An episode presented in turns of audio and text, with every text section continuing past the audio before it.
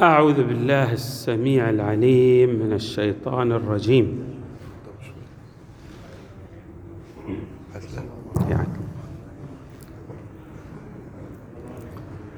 بسم الله الرحمن الرحيم والحمد لله رب العالمين. والصلاة والسلام على أشرف الخلق سيدنا ونبينا محمد وآله أجمعين الطيبين. الطاهرين. ورد في زيارة مولاتنا الصديق الزهراء عليها السلام هذه العبارات والفقرات. السلام عليك يا ممتحنة. السلام عليك يا ممتحنة. امتحنك الذي خلقك فوجدك لما امتحنك صابره نريد أن نتحدث عن الامتحان والصبر.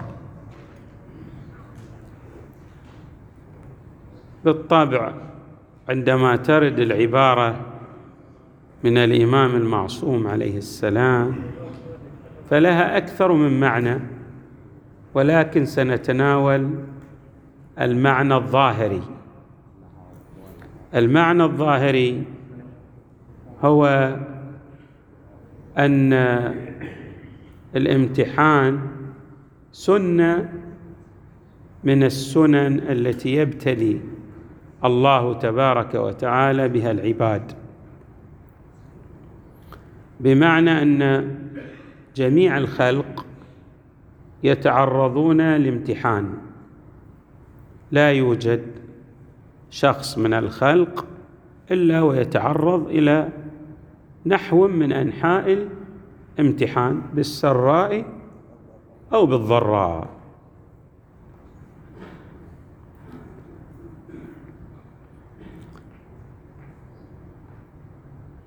والامتحان في اللغة هو الابتلاء. يعني نقول امتحنتك بمعنى ابتليتك. ولهذا أيضا يطلق الامتحان على التصفية والتهذيب والتنقية. نقول للذهب عندما يوضع في النار وينقى من الشوائب يطلق عليه الذهب الممتحن يعني المصفى. طبعا قد يظن بعض الناس أن الامتحان لا يكون من عند الله تبارك وتعالى إلا باعتبار وجود خطيئة وجود ذنب ولهذا الله يمتحن بسبب تلك الخطيئة أو ذلك الذنب الذي اقترفه العبد غير أن المسألة لا ترجع إلى الخطايا والذنوب. مسألة الامتحان له ماذا؟ أنماط متعددة وأقسام كثيرة. قسم من الامتحان يرتبط بالذنوب التي تصدر من لدن العبد. قسم خاص. وهو الذي يشير إليه قوله تعالى وما أصابكم من مصيبة فبما كسبت أيديكم ويعفو عن كثير. هناك بعض المصائب مترتبة على الذنوب والآثام التي يقترفها الإنسان. غير أن كثير من الامتحانات لا ترجع إلى ذلك. هناك امتحان لرفع درجة العبد. بل هناك أنماط من الامتحان تشير إليها الرواية. هذه الامتحانات آه يعني صحيح هي ترجع في ناحية إلى علو الدرجة ولكن هناك حكمة منها. حكمتها التعليم للغير أن يتعلم غير الممتحن كيف يجتاز العقبات التي آه تكون في طريقه للوصول إلى ما يريد أن يصل إليه.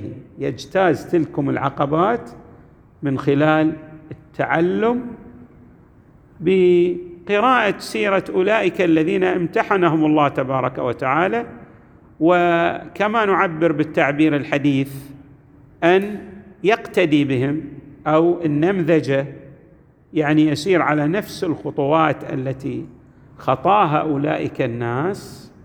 واجتازوا تلكم العقبات. ولذلك حري بالمؤمن أن يقرأ مثلا سيرة الصالحين والعلماء والأنبياء والرسل والأئمة عليهم السلام ليتعلم من خلال قراءة هذه السير كيف اجتاز أولئك الامتحانات التي اعتورت أو اعترت طريقه طريقهم. أشير إلى رواية حتى يتضح لنا المطلب يعني كيف نتعلم. يعني إن الهدف مثلا في هناك رواية أو مكاتبة وردت عن إمامنا المهدي عليه السلام إن الله مضمون هذه المكاتبة أن الله تبارك وتعالى يبتلي بعض الأنبياء والأئمة عليهم السلام كي يرى العباد الخلق أن هؤلاء الأنبياء والرسل والأئمة عليهم السلام هم عباد وتجري عليهم السنن التكوينية. يعني حتى لا يحصل غلو في ذواتهم فيتصور العباد أن هؤلاء آلهة عندما مثلا ننظر إلى المعاجز التي صدرت من عيسى عليه السلام يبرئ الأكمه والأبرص ويحيي الموتى ويكلم الناس في المهد كل هذه معاجز. وولد من غير أب. الله يجري على عيسى بعض الابتلاءات أو مثلا المعاجز التي صدرت من موسى عليه السلام. فالله يجري على موسى بعض الابتلاءات كي يتعلم الناس أن هذا عبد من عباد الله تبارك وتعالى. الله تبارك وتعالى أهله لتجري على يديه تلكم المعجزات ولكن في نفس الوقت يتعرض إلى ما يتعرض إليه سائر الخلق من الابتلاءات. فاذا هنا الابتلاء لتصحيح مفهوم إذا صح التعبير. كي يرى سائر الخلق بأن من جرى عليه الابتلاء هو بشر. عبد من عباد الله تبارك وتعالى يعتريه ما يعتري الخلق ويصل إليه من المحن ما يصل إلى غيره من سائر الناس. ولو لم يبتلى يعني لو لم يبتلي الله تبارك وتعالى هؤلاء لا اصبحوا لدى بعض الناس آلهة. فحتى يبقي الله تبارك وتعالى هؤلاء الأنبياء والرسل والأئمة في دائرة العبودية لدى الفئام الكبير من لدن الناس. طبعا هناك شواذ حتى غير الله يعني حتى غير الأنبياء يجعلونهم آلهة. لكن يبقى الفئام الكثير من الناس الذين لهم الرؤية الوسطية يرون أن هذه الابتلاءات تدلل على عبوديتهم لله تبارك وتعالى. فإذا الامتحان لدينا ماذا؟ على أقسام متعددة وأشكال مختلفة. الامتحان ضروري للعبد بمعنى أن العبد لا يمكن أن يصل إلى مراتبه الكمالية إلا من خلال جريان الامتحان عليه. لا يمكن لأحد أن يصل إلى مراتب الكمال إلا من خلال الامتحان. الامتحان بمثابة التنور الذي نضع فيه ماذا؟ المخبوزات فتنضج. الإنسان في الجنبه المعنوية لا يمكن أن يصل إلى كماله إلا من خلال ما يتعرض له من الامتحانات. هذه الامتحانات إذن تشكل ضرورة لا بد منها. طبعا الله يبتلي الإنسان ب كما قلنا يمتحنه بالسراء والضراء. يعني يمتحنه قد يغدق عليه من المال يفتح عليه أبواب من الرزق لا تخطر له على بال. قد يمتحنه مثلا بكثرة الولد. الله يرزقه اولادا ويجعلهم صالحين. وكما عبر القرآن الكريم ليبلوني أشكر أم أكفر. يعني إن سنة الابتلاء حتى يصل الإنسان إلى إدراك أن ما لديه من نعمة هل يدرك أنه من عند الله تبارك وتعالى؟ أم أن لقدراته الخاصة دخل في إيصال نفسه إلى ما وصل إليه. فالعبودية الحقه تجعل ذلك الإنسان يدرك أن ما به من نعمة هو من عند الله تبارك وتعالى.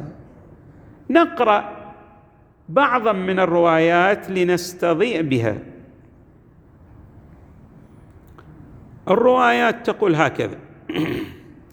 رواية عن رسول الله صلى الله عليه وآله.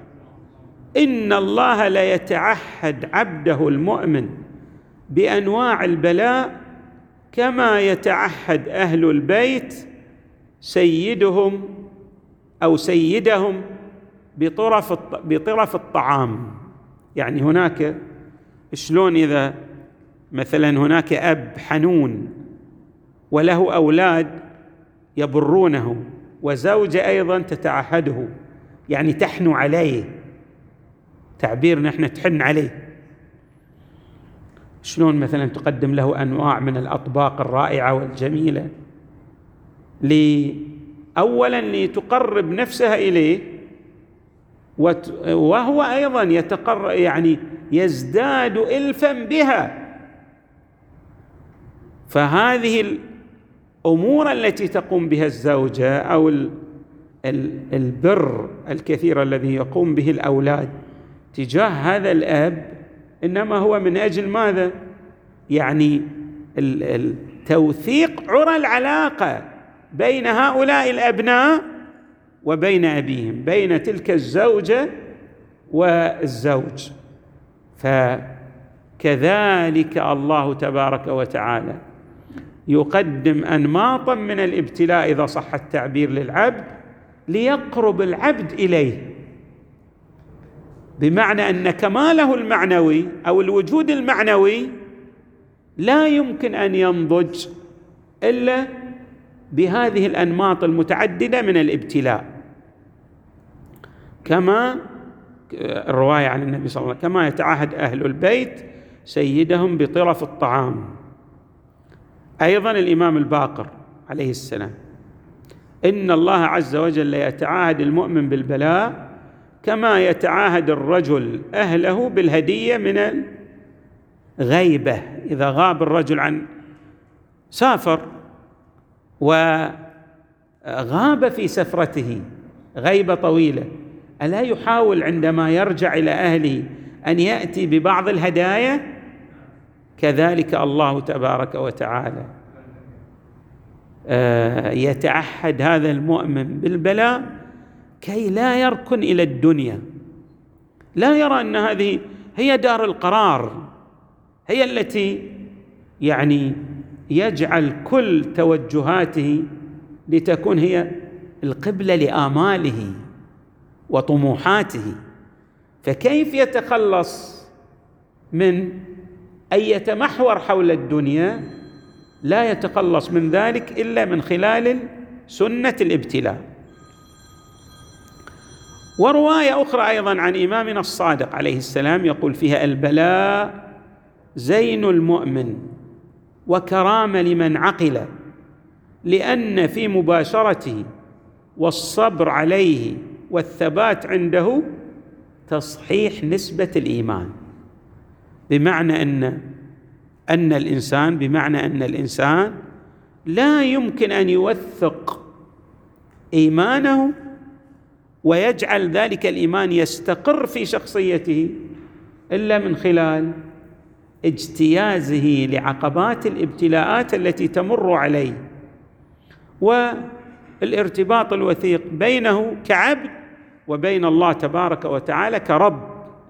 يعني بمعنى أنه يلجأ إلى الله ويجأر إليه بالدعاء ويرى أن ما به من سراء ومن ضراء هو من عند الله تبارك وتعالى. أيضا رواية أخرى عن إمامنا الصادق. ما أثنى الله تعالى على عبد من عباده؟ من لدن آدم من لدن آدم.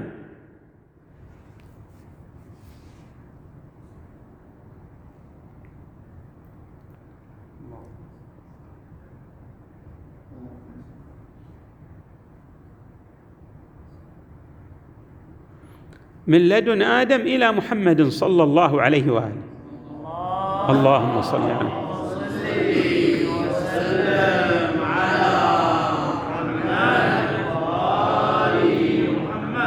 إلا بعد ابتلائه ووفاء حق العبودية فيه. فكرامات الله في الحقيقة نهايات بداياتها البلاء.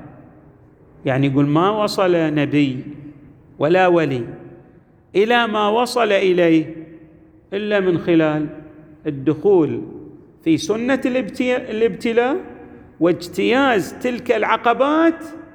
ولهذا يقول الإمام عليه السلام الكرامة التي حصل إليها هي هذه نهاية تمثل نهاية. بدايتها ما هو؟ الابتلاء. ورواية أخرى أيضا عنه عليه السلام يعني عن الإمام الصادق يقول إن بلاياه محشوه بكراماته الأبدية والمحن مورثة لرضا الله وقربه ولو بعد حين. لكن الشرط ما هو؟ الصبر. الصبر. رواية أيضا عن رسول الله صلى الله عليه وآله إن الله ليغذي عبده المؤمن بالبلاء كما تغذي الوالده ولدها باللبن يعني بالحليب.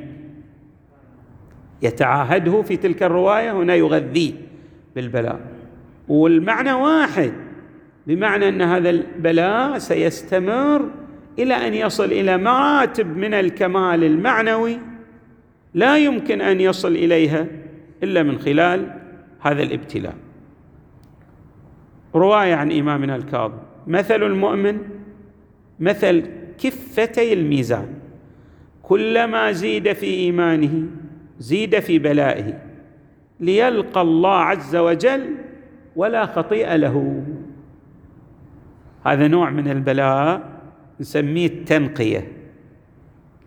وطبعا قد يتصور البعض هنا يلقى الله ولا خطيئة له. صور الخطايا يعني الذنوب. بعض المؤمنين ما قد لا يذنبون الذنوب هذه اللي نعرفها كبائر الذنوب. قد يكون عندهم اللمم كما يعبر عنه القرآن. وقد يكون عندهم الغفلة عن ذكر الله. والله تبارك وتعالى أيضا هؤلاء يرفع في درجاتهم ليصل هؤلاء إلى مقامات الأنبياء والرسل والشهداء. من خلال سنة الابتلاء التي تمر عليهم. وإحنا نقرأ أيضا في دعاء الندبة اللهم لك الحمد على ما جرى به قضاؤك في أوليائك الذين استخلصتهم لنفسك ودينك إذ اخترت لهم جزيل ما عندك من النعيم المقيم الذي لا زوال له ولا اضمحلال. يعني الله متى اختار لهم النعيم المقيم الذي لا زوال له ولا اضمحلال؟ بعد أن اختبرهم وامتحنهم. طيب الله لا يعلم أنهم ماذا؟ يعني يصبرون على بلائه ويسلمون لقدره وقضائه. الله يعلم بذلك. لكن هذه سنة عامة تجري على الجميع. طيب ماذا نتعلم من الزيارة؟ يعني ما هو الدرس العملي الذي نستلهمه من زيارة الصديقه الزهراء. طبعا يا ممتحنة امتحنك الذي خلقك في بعض النصوص قبل أن يخلقك قبل أن يخلقك. فوجدك لما امتحنك صابره لما نعبر قبل الخلق يعني في عالم كما نعبر عالم الأظلة عالم الأرواح أو عالم الأنوار. الذي يشير إليه إمامنا الهادي في الزيارة الجامعة خلقكم الله أنوارا فجعلكم بعرشه محدقين حتى من علينا بكم. فجعلكم في بيوت أذن الله أن ترفع ويذكر فيها اسمه. في ذلك العالم نحن لا نعرف كيفية جريان الابتلاء عليهم. لكن الزيارة تقول إن هناك ابتلاء في ذلك العالم. وقد يكون فعلا هناك ابتلاء في ذلك العالم بما يتناسب مع عوالم النور. نحن لا ندرك ما يعني كنه وكيفية الابتلاء في عالم الأنوار. وقد يكون لا. الرواية هذه يا ممتحنه امتحنك امتحنك امتحنك امتحنك الذي خلقك. قبل أن يخلقك يعني قبل خلقك المادي الله أجرى عليك ما سي ما سيجري عليك من الامتحانات. كتبه وأعلمك به في تلك العوالم فصبرت سلمت. يعني وأنت في تلك العوالم؟ والله يعلم أن ذلك يعني نجاح منها. إذ صبرت وهي في تلك العوالم تعلم ما سيؤول إليه الأمر. سواء قلنا بالتفسير الأول أو بالتفسير الثاني يعني بالتفسير الظاهري أو بالتفسير الواقعي أو بمعاني أخرى لأن امتحنك الله الذي خلقك قبل أن يخلقك يمكن لها أكثر من تفسير. لكن كل هذه المعاني حقيقتها تكمن في أن الإنسان لا يمكن أن يجتاز جميع ما يمر به من محن وآلام. ومشاكل في الحياة الدنيا في جميع أمور الحياة إلا بالصبر. ما يمكن. ولهذا لعل ما ورد في قوله تعالى إنما يوفى الصابرون أجرهم بغير حساب. يعني أن الله تبارك وتعالى يعطيهم يغدق عليهم يفيض عليهم من النعم بغير حساب لأنهم صبروا. فالصبر يشكل القاعدة الصلبة القواعد الأساسية التي يبتني عليها ماذا؟ اجتياز الإنسان ووصول الإنسان إلى الدرجات التي أهل هو أهل نفسه للوصول إليها. حري بنا طبعا في المناسبات أن كل مناسبة تمر علينا لإمام من أئمة أهل البيت أو للصديقه الزهراء عليها السلام نتعلم درسا. الدرس الذي نتعلمه في هذه المناسبة هو درس الصبر الجميل الصبر العظيم الصبر الذي هو يعني رافق الصديقه الزهراء عليه السلام في جميع عوالم الوجود قبل الخلق وبعد الخلق. يعني قبل الخلق المادي في عوالم النور وبعد الخلق. والله تبارك وتعالى امتحنها فعلم بصبرها. الله يعلم. ولكن لتكون قدوة لكل العالمين. لكل العالمين. ولعل ما ورد في بعض الروايات وعلى معرفتها جرت القرون الأولى في بعض التفاسير يشير إلى هذا المعنى. يعني أن تلكم الأمم أو الأنبياء في الأمم السابقة لا يستطيعون أن يجتازوا أي امتحان إلا بالاقتداء بمن اختارهم الله تبارك وتعالى ليتبوأوا أعلى درجات القرب وهم محمد وآل محمد.